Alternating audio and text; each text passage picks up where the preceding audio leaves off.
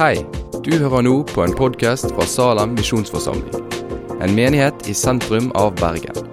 Vil du vite mer om oss eller komme i kontakt med oss, gå inn på salem.no. Takk. Yes. David.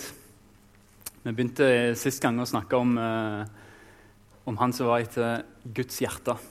Og Vi skal fortsette i dag og snakke om David som fortsatt er i Guds hjerte, men vi skal snakke litt om de små forberedelsene han gjør for å greie de store kampene. Kongedømmet Israel det var ledet av Saul. Eh, han var blitt valgt til konge, for han var et hode høyere enn alle andre. Han var staselig, men han hadde vært ulydig mot Gud, så Gud hadde forkasta Saul som konge. Men eh, han hadde valgt seg ut en tenåring som ikke var helt klar ennå, og som Gud drev på å jobbe i, som han, Gud hadde i skole for at han skulle bli en god konge. Så fortsatt var det Saul som hadde makta. Hvis du har lyst til å følge med på historien, så, så kan du bla opp i 1. Samuels bok eh, i kapittel 17. Eh, landet Israel det er i fare det står i fare for å bli splitta. Filisterne, som liksom nemesisen til Israel, hovedfienden, de kommer fra vest, fra Middelhavet. Og så er målet deres å komme inn til Judea-området, som fjellene, og få base der, en strategisk base der de kan knuse all motstand som kommer opp fjellene. Og Saul får nyss i dette, og han er livredd, så han møter de i lavlandet før de kommer opp i fjellene. Og Så stiller filisterne seg opp på en åskam og ser utover ei slette. Og så stiller israelsfolket seg på andre sida, og så står de der og har stirrekonkurranse. For det er ingen som tør å gå ned på sletta og angripe nedenfra. Det er litt som å ta en sånn selfie nedenfra der det blir dobbelthaka. Det blir sosialt selvmord. Men det å angripe nedenfra det var militært selvmord. Og Da sto de der og stirra på hverandre. Og Så skjedde det som er ganske vanlig på den tida. I stedet for at herrene barka sammen i en tvekamp, eller i en sånn kamp der mange tusen mista livet, så var det én av de beste krigerne som gikk ut for å krige for hver hær, for å kjempe mann mot mann. Og Filisterherren de sender Goliat, en mann som er så imponerende at du bare nødt, altså Bibelen er bare nødt til å bruke et avsnitt på å beskrive han. Der kommer en fyr som er 3 meter og 25 centimeter høy. Han har en hjelm av bronse, en brynje som veier 60 kg, og leggbeskytter i bronse fra Adidas. Han har en bronsesabel på ryggen, og spydet hans var tjukt som en vevbom. Og for dere som ikke har peiling på håndarbeid, en vevbom det er en skikkelig, skikkelig, skikkelig tjukk strikkepinne. Og spissen på spydet hans det var 7 kilo. Og jeg regna på det. Hvis Goliat hadde hatt samme BMI som meg, så hadde han veid 245 kilo. Og I tillegg, når han har nesten 100 kilo rustning, så er det 345 kilo med kjærlighet som står i dalen der.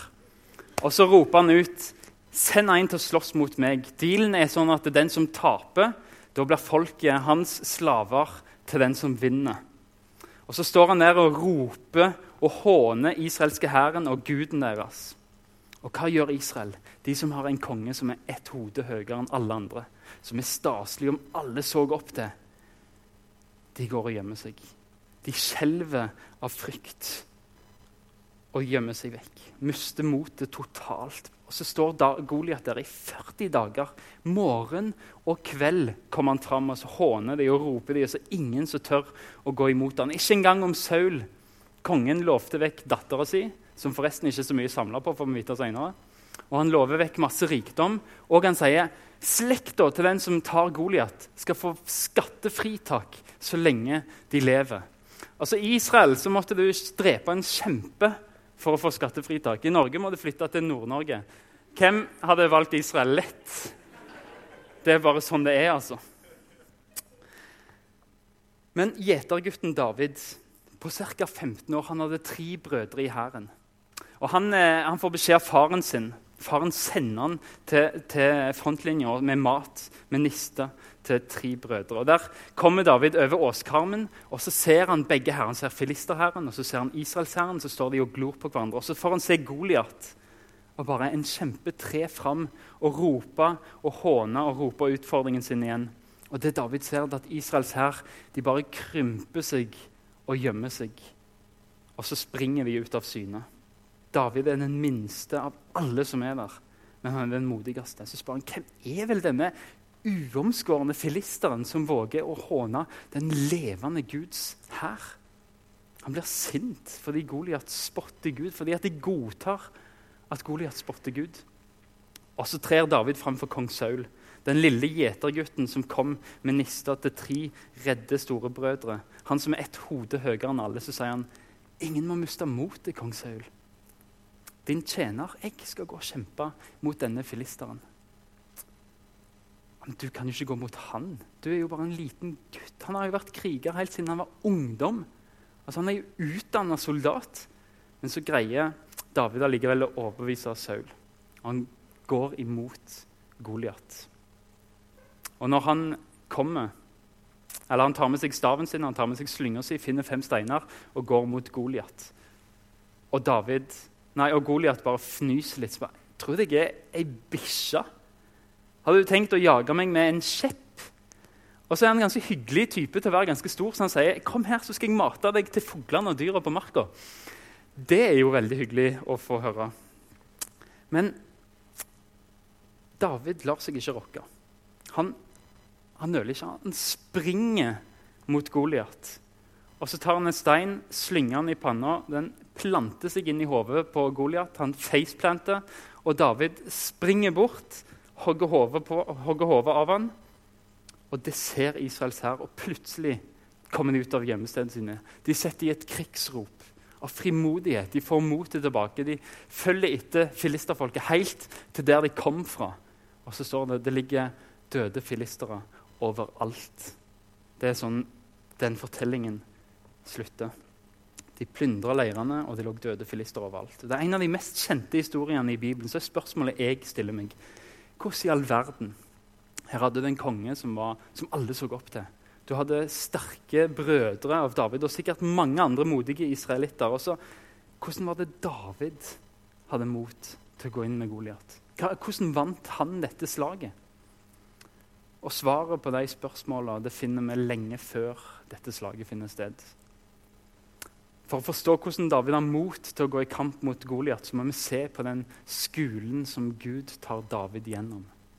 En skole som er designa for å utruste en liten gjetergutt til å møte Goliat og til å styre landet. Og I en sånn skole så har Gud aldri hastverk det at eh, et menneske blir kristent frelst, det skjer sånn. Det skjer med en gang, og det skjer ufortjent. At Gud frelser ufortjent, bare om nåde. Men når Gud utruster oss, når Gud skal gjøre disipler av oss, så er det et livslangt prosjekt. Det tar tid, det koster krefter. Det koster forsakelser. Vi må gjøre prioriteringer som kan være vanskelig. Det tar tid, men det er Guds skole. Den første leksjonen David lærer, eller den første leksjonen Gud gir David, det er stillhet og ensomhet. Fordi David har vært gjeter. Han har sittet så mange timer alene på hyrdemarka. Og David har brukt den tida vel.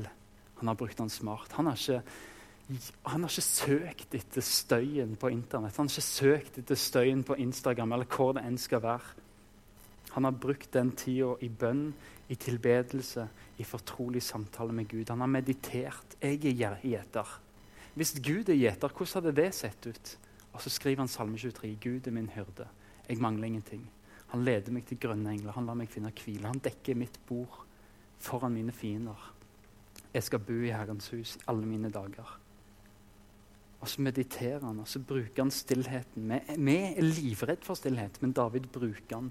Han mediterte. Og I Salme 1 så står det 'salig er den som ikke følger de lovløses råd'. Ikke går på synders vei, ikke sitter i spotters sete, men har sin glede i Herrens lov og grunner på Hans lov dag og natt. Eller meditere på Hans lov dag og natt. Han er lik et tre planter ved rennende vann. Det gir frukt, ikke med en gang. Det gir frukt i rett tid, og løvet visner ikke. Alt han gjør, skal lykkes. Stillheten ga David tid til å meditere. Hvordan er Gud? Stillheten gir deg tid til å meditere. Til å se hvor stor er Gud. Jeg tror Salme 8 òg er et resultat av stillheten David erfarte. David satt der stille i natt, så på sauene som sov, Og så ser han opp på himmelen og så tenker han, hva kan, hva kan denne himmelen lære om Gud? Så Når jeg ser din himmel, et verk av dine fingre, så har du skapt dette månen og stjerner som du har satt der. Hva er da et menneske? At du husker på det.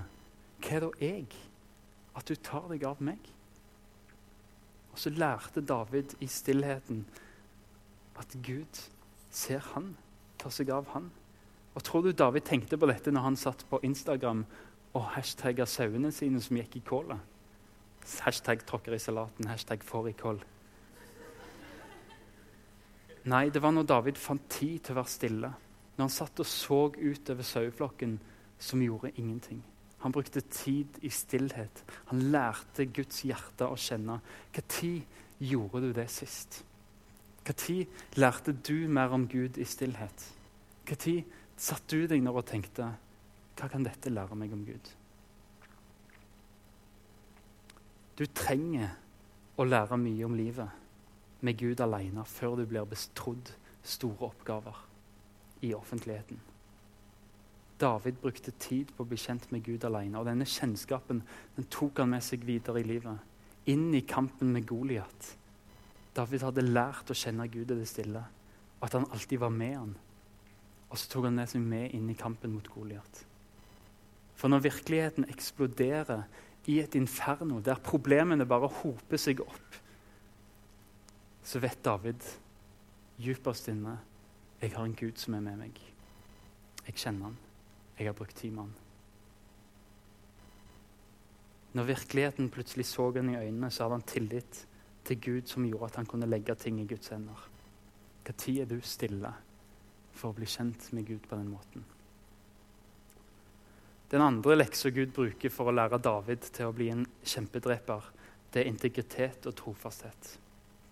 Som liten så får David en oppgave av faren sin. Du skal passe, du skal passe småfe, David.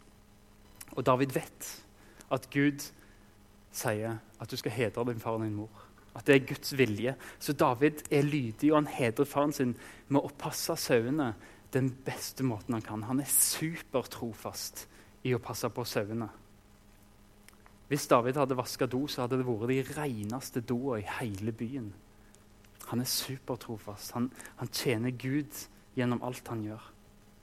En dag så kommer David til meg hjem, så står det en gammel kar der som heller litt olje over hodet på han og sier du er nå blitt salva til å bli Israels neste konge. Hva hadde du gjort da? Jeg tror jeg hadde satt meg ned og gjort Først hadde jeg bestilt ny visittkort der det står 'Kristian, den egentlige kongen'. Og så tror jeg kanskje jeg hadde lagt en plan for hvordan skal jeg styrte Saul. Hvordan skal jeg få han bort fra makta, sånn at jeg kan jeg, det er jo jeg som er konge. Hvordan kan jeg få det til? Men David, hvor tror du han gikk? Vi ser det i noen avsnitt etter han er blitt salva. David gikk tilbake dit han hadde fått et ansvar. David gikk til sauen igjen. Hvorfor gjorde han det? Han hadde jo blitt kalt av Gud til å være konge. Ja, det var nettopp det. Han hadde blitt kalt av Gud Gud hadde gitt han et kall. David skulle ikke gjøre noe. han. Gud skulle fikse dette. David skulle vente til Gud satte sin plan i gang. Enn så lenge så ville David fortsette å tjene Gud gjennom å være lydig mot far. Det fins et bibelsk prinsipp i Det nye testamentet som Paulus bruker. Og Han sier derfor skal enhver leve sitt liv der Herren har satt ham, der han var der Gud kalte ham. Dette gir jeg pålegg om i alle menighetene. Mine søsken, enhver skal forbli der han var da han ble kalt, og være der til ære for Gud. Kanskje er du blitt kristen, eller kanskje er du blitt bevisst. Kanskje har du fått voksentro. Og så kribler det etter å tjene Gud. Du vil gjøre store ting, du vil tale, du vil reise rundt. Begynn der du er. Gjør det. Vær der for Gud. Det er der du har ansvar nå. Vær der du var når han kalte deg. Så skal Gud ordne med resten. David var trofast og oppriktig i sauegjetinga. Og Gud ser ikke etter det storslagne i mennesket. Gud ser det etter det ydmyke, det tvers igjennom ærlige, det oppriktige hjertet. Og ordet som brukes om David oppriktig i Bibelen, det kan oversettes på andre måter òg. Komplett, heil, uskyldig. Et godt norsk ord er integritet. Det gir helhet i livet. alt du gjør, det gjør det som du gjør det for Gud. Det betyr å være helt til bunns ærlig. Ikke noe dobbeltliv. Ikke engang når ingen ser deg. Når du kun er alene sammen med Gud. Og la alt dere sier og gjør, skje i Herren Jesu navn, med takk til Gud, vår Far, ved ham. La alt dere gjør, skje i Herren Jesu navn. Når Gud leter etter folk å bruke, så lar han seg ikke imponere av de ytre tingene. Han ser alltid etter de indre kvalitetene, de som det tar tid, og de som det tar disiplin å utvikle. Han kan frelse deg ufortjent, men skal du bli en trofast disippel, så tar det tid, og det koster noe. Han gjør sin del, men du må også se på forsakelsene. Det koster å være en disippel. Det har Jesus aldri lagt skjul på. Hvis du vil bli brukt av Gud, så må du lære deg å være trofast i det enkle, det ubetydelige, i rutinene, i det vanlige, i det kjedelige. I år uten begivenheter, gjennom de dagligdagse gjøremåla. Trofast i alt, fordi det er det dagligdagse du lærer å bli en mann eller en kvinne etter Herrens hjerte. Når ingen andre ser deg, når ingen andre bryr seg om hva du gjør. Gud ser deg. Og Gud lurer på kan jeg bruke dette. Det er sånn du kan lære å ære Gud i alt. Trofast i din kjærlighet til Gud. Og jeg tror det er En av grunnene til at David var en mann etter Herrens hjerte. Alltid tilgjengelig for Gud. Alltid troverdig. Alltid ekte. Alltid trofast i de små tinga. Og så så Gud her er en jeg kan bruke. David var en tilbeder, og det er det Gud leter etter. Det er, de, det er de som blir de beste tjenerne. Det er de som blir de beste krigerne. Ikke de som søker etter å være en konge. Ikke de som søker etter å være en storslått soldat. Ikke de som søker etter å være en taler. Ikke de som søker etter å være lovsangsleder. De som søker etter å være nær Gud. De som søker etter å være Guds venn. Det er de Gud leter etter. Først og fremst vil han være med oss, og så former han oss til tjeneste. Gjennom fellesskap med han, gjennom at vi ser hvordan han er, gjennom at vi blir kjent med hans hjerte og ser hva det er Gud vil. Og så jobber han gjennom oss alt som er etter hans vilje. Vær trofast i alt. Alle de små tingene når folk ikke ser deg så skal du se en Gud som sier 'Det er mannen etter mitt hjerte'. Det er ei dame etter mitt hjerte. Det handler ikke om å få stor ære. Det handler om å tjene meg. Det handler om å være trofast mot meg. Leksjon nummer tre. Det du gjør alene med Gud, det kan han bruke i offentlig kamp. Når David sier til Saul at han vil gå imot Goliat, så sier Saul det som er naturlig, at du du kan ikke gå imot han, du er bare en liten gutt. Han har vært kriger helt fra, fra ungdommen av. Og det David svarer her, det er så herlig. Du, Saul, jeg har gitt småfe til min far. Hvis det kom ei løve eller en bjørn og, og, tok et fe fra flokken, så sprang jeg etter han, slo han og rei fe ut av gapet på han. Og reiste den seg mot meg, så tok jeg tak i manken og bare slo han i hjel. Både løve og bjørn har jeg felt og det skal gå denne uomskårne filisteren akkurat som den, for han har hånt den levende Guds hær. Herren som har berga meg fra løve og bjørn, han skal òg berge meg fra denne filisteren. Hei, Saul. Jeg har brukt veldig mye tid med Gud som gjeter. Han har lært meg masse i stillheten. Hverdagen min har vært en eneste stor treningsarena for at jeg skal gå og kjempe mot Goliat. De tingene jeg har opplevd, det har lært meg å stole på Gud. Gud har berga meg fra løver. Gud har berga meg fra bjørner. Han skal berge meg fra Goliat. Gud har berga meg fra avhengighet. Gud har berga meg for synd. Gud har berga meg tidligere, og han kommer til å gjøre det når jeg møter enda større kamper. Gud bruker hverdagen vår til å teste og utvikle sine disipler. Han ser om sine tjenere er tro i lite før han setter dem over noe stort. Jesus brukte en lignelse og lærte disiplene at bra, du gode og tro tjener. Du har vært tro i lite, jeg vil sette deg over mye. Det er ikke annerledes med oss. Det er ikke annerledes med deg. Gud bruker det som skjer i hverdagen din, til å utruste deg. Han bruker det til å teste deg for å se er du lydig i de små tinga. Kan du bli brukt til å gjøre store ting for Gud? Da kan han ta deg videre. Lev i tro i alt. Og se om ikke Gud finner deg trent til å være på hans lag i de store tinga. Lev i integritet i alt du gjør. Når vi finner folk i Salem til å, til å ha sentrale oppgaver, til å tale, til å være i ledergrupper, til å lede møter, til å være lovsangsledere Det er ikke bingo. Vi ser hvem er det som har integritet i alle de små tinga. Hvem er det som ikke tenker på å ha en, en tjeneste som er på scenen, eller som er synlig? Hvem er det som tenker på bare å tjene Gud?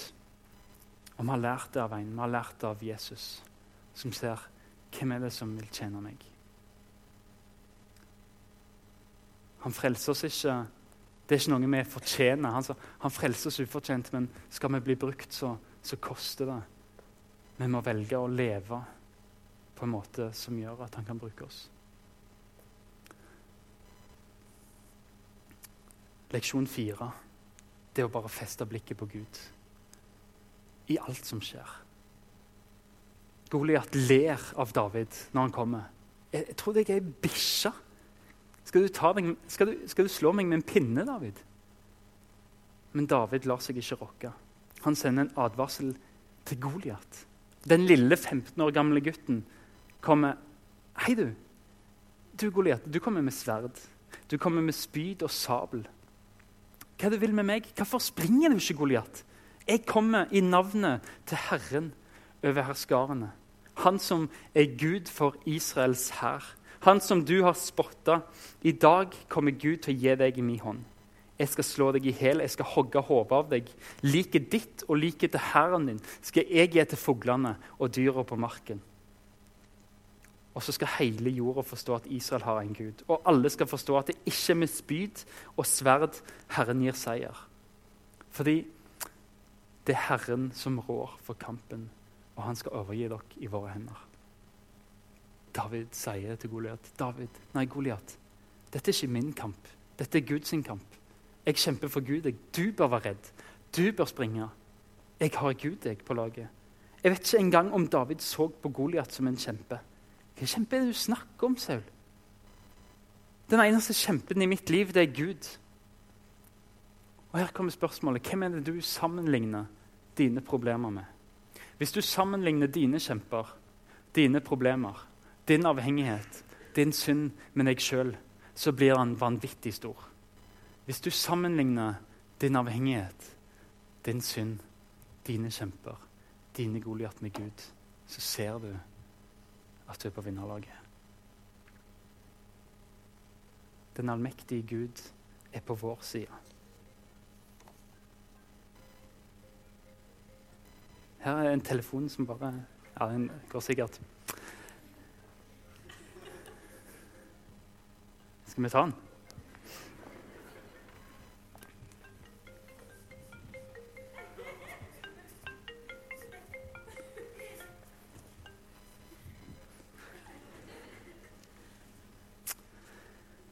Hvem er det som er kjemperne i ditt liv?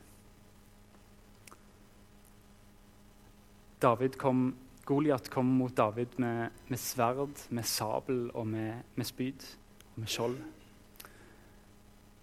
Din kjempe, dine kjemper, de kom ikke med sånne våpen. De vifter med våpen som arbeidsløshet, vraking, seksuelt misbruk depresjon. Dine kjemper de står ikke i en dal i Israel. De går gjennom soverommet ditt.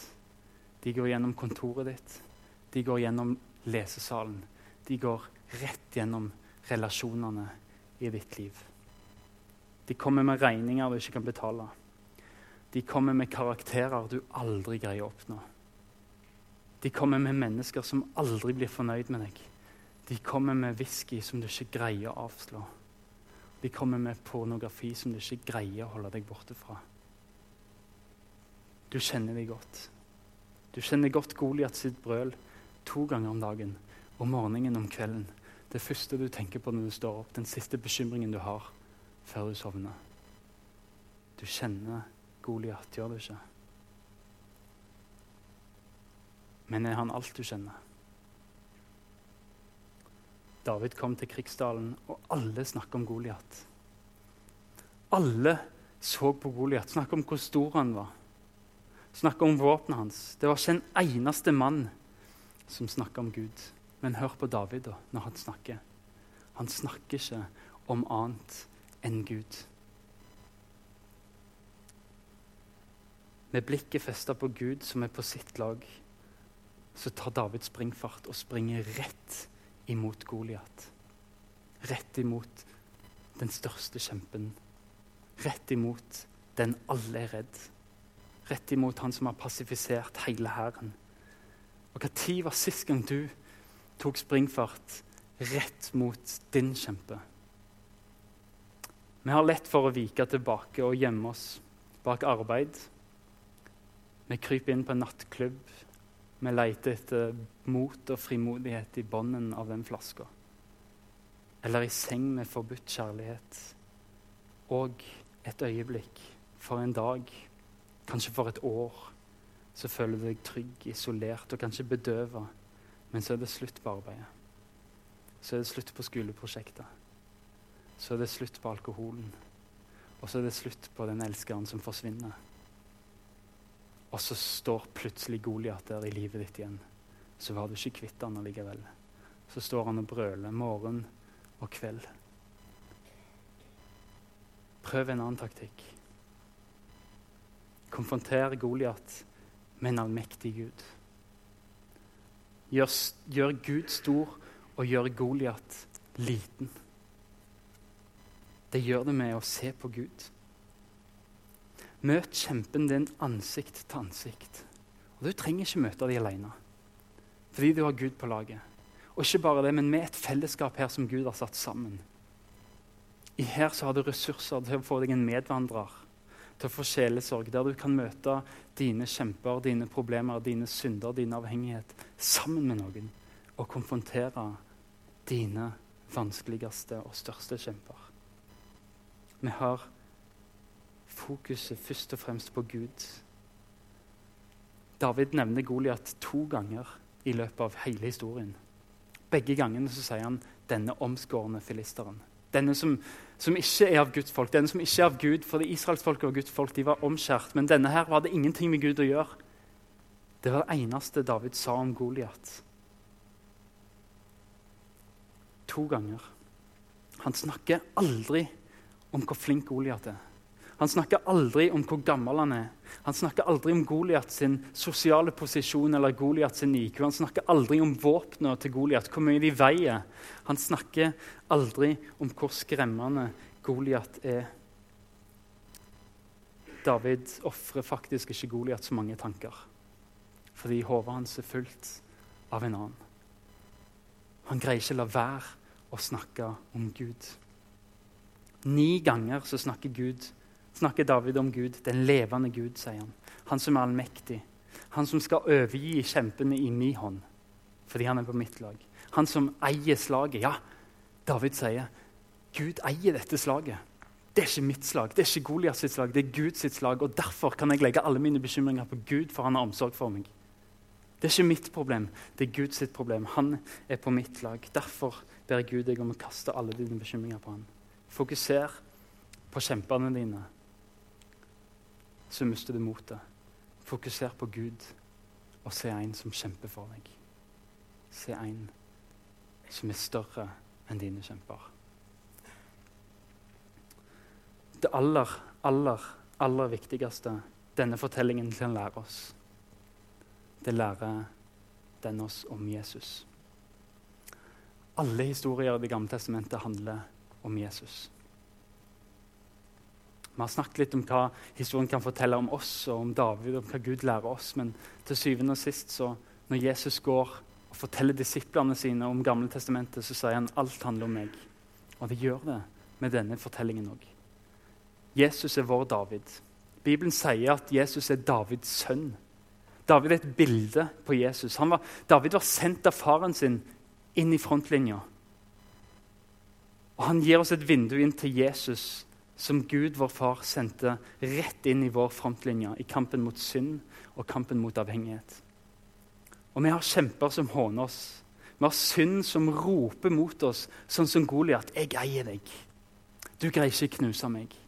'Du blir aldri slutt på å være avhengig av meg.' 'Du har ikke sjans mot deg', roper synden. Goliat har en hel tale, han, hvis du vil høre. Goliat kan fortelle deg hvor liten du er hvis du hører på han. Sånn som David kom til frontlinja, der israelsfolket var livredde og motløse. Der kommer Jesus til oss i frontlinja. Og Jesus finner oss redde og motløse og hjelpeløse i møte med våre kjemper, i møte med vår synd. David velger å se på Gud og springe mot Goliat for å slåss. Hvem er det som springer så målretta mot denne kjempen? Det er et bilde på Jesus, som kom med ett oppdrag, som var så fokusert på å overvinne synd. På å overvinne mennesket sin hovedfiende, for å sette mennesket fri. En gjeter som kom for å gi sitt liv for sine sauer. Jesus, den gode hyrde. Fiendene som ville ta gleden vår, ville ta livet vårt, som ville demoralisere oss, de møtte Jesus i en kamp til døden, og han vant. Goliat falt, David halshogde han, bare for å være sikker og for å vise israelsfolket at Goliat er død. Jeg har skilt hodet hans fra kroppen hans. Det er ikke sjans til at Goliat står opp lenger.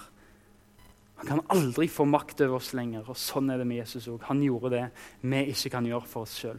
Og han gjorde det en gang for alle. Synden har ikke makt over deg lenger. Den er borte fra deg like langt som øst er fra vest, som høyt som himmelen er over jorda. Det vil foreldre, forandre måten du lever på. Det forandrer israelsfolket, for plutselig så setter de et krigsbrøl de ropte. Hvor lenge har du vært stille under syndens makt? Hvor lenge har du mista frimodigheten din fordi at det er noe som binder deg? Jesus har satt deg fri fra synd, og du kan springe dine kjemper i møte med Jesus. Du har seierherren på laget, og du kan rope og du kan springe dine fiender rett imot og konfrontere dem med å si 'Jeg har seiersherren'. Han avvæpna myndigheter og makter på korset. De har ikke makt over deg lenger. Du er fri. Og den som Sønnen fortsatt fri, han er virkelig fri. Hvor lenge skal du være stille? Vel, Kristian, du, du, du vet ikke hva jeg er avhengig av. Du vet ikke hvor ille det er. Det er ikke et argument for å ikke komme til Jesus for å få hjelp fordi vi har vært der. Vi som står med frimodighet, vi har vært der, vi òg. Og vi er innom der av og til. Du er ikke aleine. Men Jesus kom for sånne som oss. Det å være avhengig det er ikke et argument for å ikke komme til Jesus, fordi han kom nettopp til sånne som oss. Alle er syndere, men vi har en konge, vi har en David. Vi har en Jesus som har tatt bort makta synden har over oss. Og den som Jesus får satt fri, han er virkelig fri. Det er tid for at du roper igjen. Det er tid for at du begynner å gjøre Guds vilje. Han vil at vi skal være de som overvinner synd. De som setter andre mennesker fri i Jesu navn. Vi skal få rope, vi skal få stå opp, vi skal få vitne. Vi skal få være de Gud har tenkt vi skal være. En hær av seierherrer er Jesus er seierherren. Han har vunnet over synd, over skam og død. Han er seier. Jeg har synda, ja. Men i Jesus så er jeg ikke lenger en synder. Jeg har vunnet med Jesus. Jeg har mer enn seier i han. Vil ikke du ha en del i det? Kom til Jesus. Se på din Jesus. Han som er din David. Han som er din seierherre. La det være litt ditt fokus. Ikke se på synden, men se på Jesus. Hva skal vi nå si til dette? Er Gud for oss, hvem er da imot oss? Han som ikke sparte sin egen sønn, men ga han for oss alle.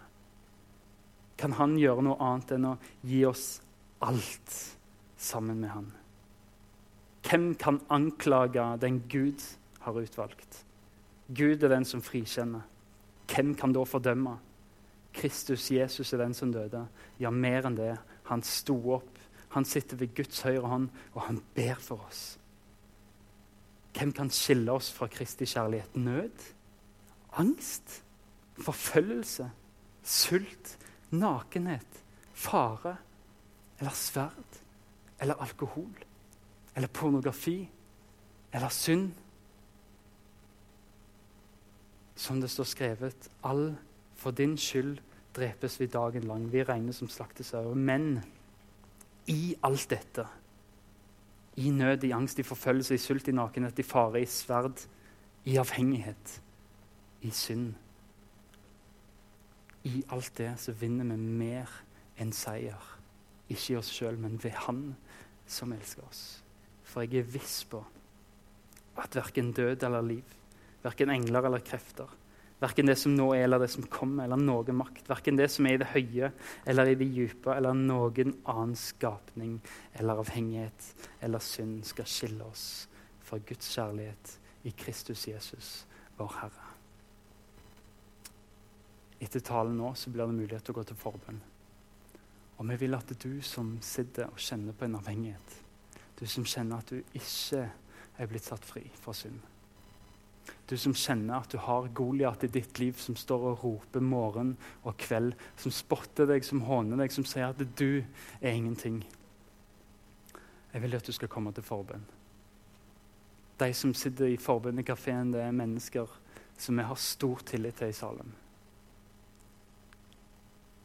Og de er trent til å ta imot deg. Når du går inn i forbønn, så vil det stå en der og spør, fra møtevertene og spør vil du ha ei gutt eller ei jente. Er naturlig at jenter går til jenter og gutter til gutter. og så, så kommer du inn der og så sier de hei, jeg heter, og så sier navnet sitt. Hva vil du jeg skal be for? Og du kan komme til Gud med alt. En av måtene vi kan kaste våre bekymringer av til Gud på, det å komme til han i bønn og si dette her sliter jeg med. Kast din bekymring han, på han fordi han har omsorg for deg. Så når lovsangstimen kommer opp og begynner å synge, så åpner vi forbønn. Bare kom fram til Gud. Kom til Jesus, han som er din David. Han som er din seierherre. Han som kan sette deg fri fra det som binder deg. Herre Far, takk for at du er du. Takk for at du er seierherre. Takk for at du er den som slår i helkjemper i vårt liv. Du er den som setter oss fri. Jesus, vi kan ikke gjøre noen ting. Jesus, vi kan lære hvem du er i stillhet. Vi kan prøve å tjene deg i integritet i, i alt vi gjør. Men vi vet at til syvende og sist så, så, er det du som vinner kampene for oss. Hjelp oss til å leve i det. Hjelp oss til å stole på det. Og hjelp oss til å alltid, alltid, alltid se til Davids sønn. Til å se til Jesus, han som får gjort oss virkelig fri. Og lær oss å leve som frie menn som setter et krigsrop hver gang det er noe som vil binde oss, og som kvitter oss med det fordi du er på vårt lag. Amen.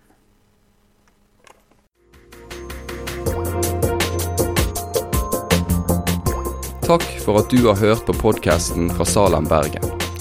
I Salem vil vi vokse i et stadig dypere fellesskap med Gud og med hverandre. Vi vil være Jesu hender og føtter og vi vil være med og forkynne frelse for Bergen og resten av verden. Besøk oss gjerne på salem.no om du vil vite mer.